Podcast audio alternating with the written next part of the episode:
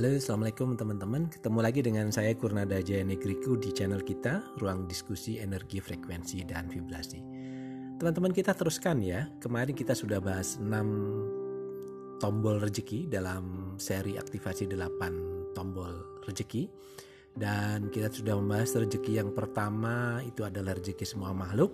Rezeki yang kedua adalah rezeki karena usaha. Rezeki yang ketiga, tombol rezeki yang ketiga adalah tombol rezeki karena bersyukur, tombol rezeki keempat, tombol rezeki karena berserah, tombol rezeki kelima, tombol rezeki karena beristighfar dan tombol rezeki keenam adalah tombol rezeki karena bersedekah. Nah, sekarang kita akan masuk ke tombol rezeki yang ketujuh. Dan kalau yang keenam kemarin itu tombol rezekinya inherent dengan diri Anda, maka kalau yang ketujuh dan kedelapan nanti ini adalah uh, di luar diri kita. Jadi ada Eh, tombol rezeki yang berasal dari luar diri kita yang akhirnya bersatu dengan tombol-tombol rezeki yang ada di dalam diri kita. Oke, kita teruskan ya. Yang ketujuh, tombol rezeki karena menikah. Nah, ada sebuah ayat dalam kitab suci Al-Quran yang menginformasikan bahwa menikah adalah salah satu tombol rezeki. Setiap orang yang menikah berarti telah melakukan aktivasi tombol rezeki ini. Dan nikahkanlah orang-orang yang masih membujang di antara kamu dan juga orang-orang yang layak dari hamba sahayamu baik laki-laki maupun perempuan. Jika mereka miskin maka Allah akan memberikan kecukupan kepada mereka dengan kurnianya. Ini adalah terjemahan dari surah An-Nur ayat 32 nah teman-teman faktanya memang demikian jujur saja dulu eh, setelah saya menikah, saya dan istri saya resmi jadi pengangguran karena proyek di mana kami bekerja telah habis masa kontraknya. Awalnya sih keder juga, bingung mau saya kasih makan apa istri saya nanti. Pun dulu saya juga belum paham tentang tombol rezeki ini. Namun dengan rahmat dan kasih sayangnya, selalu saja ada jalan bagi kami untuk tetap survive. Ya meskipun kami harus lalui dengan susah payah ya teman-teman ya. Karena secara mental dan emosional pun kami juga belum sepaham seperti sekarang. Dan itulah rupanya pembelajaran yang harus kami lalui sehingga kami mendapatkan pemahaman yang seperti sekarang ini. Seuntai paham yang masih terus berproses, insya Allah hingga akhir hayat kami. Dan menikah adalah penggabungan dua energi yang berbeda. Salah mengelolanya bisa menyebabkan energinya tidak saling menunjang. Namun menikah juga penggabungan dua potensi energi rezeki. Jadi jika penggabungan ini pas, maka energi rezeki yang ada itu jadi plus dua karena masing-masing orang kan punya potensi rezeki sendiri-sendiri. Jadi kalau dua orang bersatu, maka idealnya jadi rezekinya jadi plus dua. Namun jika tidak pas, justru saling melemahkan atau bahkan saling menghilangkan. Ya sebenarnya sih tidak ada ya rezeki yang lemah atau hilang. Yang ada adalah energi rumah tangga yang tidak sinkron. Selalu kemerungsung sehingga tidak menarik bagi rezeki untuk mendatangi rumah tangga tersebut.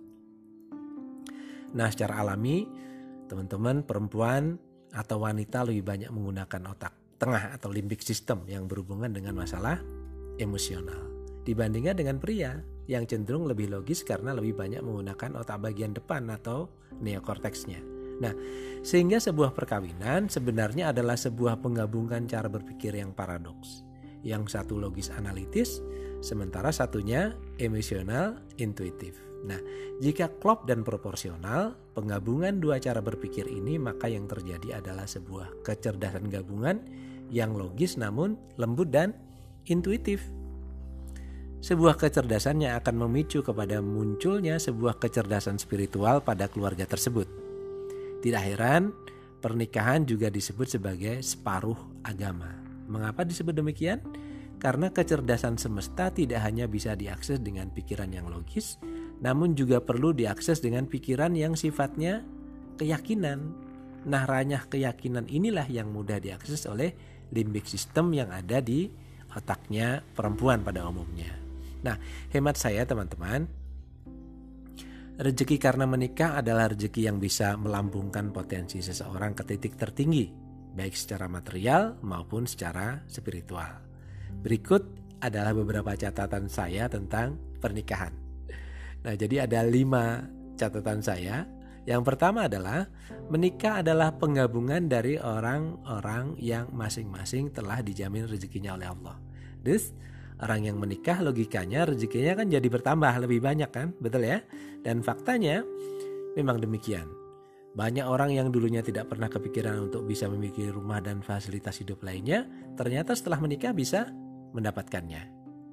Oke, yang kedua, menikah membuat proses pendewasaan dalam berpikir itu berjalan lebih cepat. Jadi kalau biasanya sebelum menikah jomblo itu dewasanya lambat, begitu sudah menikah menikah itu proses pendewasaannya lebih cepat. Jadi ada rasa, rasa tanggung jawab yang mengubah energi ini menjadi gerakan untuk menyebut rezeki. Yang ketiga, dalam praktiknya menikah juga bisa membantu meningkatkan level kesadaran seseorang yang secara tidak langsung akan melembutkan vibrasi dirinya sekaligus meningkatkan bioenergi dirinya yang berpengaruh terhadap kemudahan mendapatkan rezeki. Yang keempat, menikah dalam lataran kuantum berarti menambah satu lagi quantum entanglement yang bisa digunakan untuk menambah daya magnet rezeki. Quantum entanglement pertamanya adalah ibu Anda dan yang kedua adalah pasangan Anda, istri Anda. Oke. Yang kelima, rumah tangga yang damai didasari cinta kasih dan tanggung jawab membuat orang yang terlibat di dalamnya merasa lebih bahagia dan terlindungi yang berdampak pada energi dan vibrasi yang dipanjarkan menjadi lebih baik dan menarik rezeki yang lebih baik. Jadi teman-teman, pernikahan adalah penggabungan. Kuncinya adalah peleburan dua menjadi satu, dua orang menjadi satu. Makanya dalam pernikahan ada ritual persetubuhan. Ini bukan hanya ritual seksual ya teman-teman ya. Ini adalah proses penggabungan dua buah energi dengan potensi rezekinya masing-masing. Kalau teman-teman perhatikan, alat vital laki-laki itu seperti anak kunci dan alat vital perempuan itu seperti rumah kunci. Nah, pintu rezeki hanya akan terbuka ketika anak kunci klop dengan rumah kunci. Jadi energi kemesraan atau intimasi saat ritual ini idealnya dijaga juga di luar ritual tersebut. Agar apa? Agar vibrasi rumah tangga selalu dominan di posisi yang lembut dan energinya tinggi. Nah, dalam rumah tangga, energi yang lembut, rukun, saling mendukung, saling mengasihi, inilah sebenarnya tombol rezeki karena menikah. Karena yang sesungguhnya ketika rumah tangga Anda dalam posisi seperti ini, saling menyayangi, lembut, saling mengasihi, ini energi yang vibrasi yang dihasilkan itu menarik bagi rezeki untuk datang ke rumah tangga Anda. Oke teman-teman, sampai di sini dulu bahasan kita. Kita ketemu lagi nanti di bahasan berikutnya. Mudah-mudahan rezeki Anda baik, hari Anda baik, dan masa depan Anda semua jauh lebih baik. Assalamualaikum warahmatullahi wabarakatuh.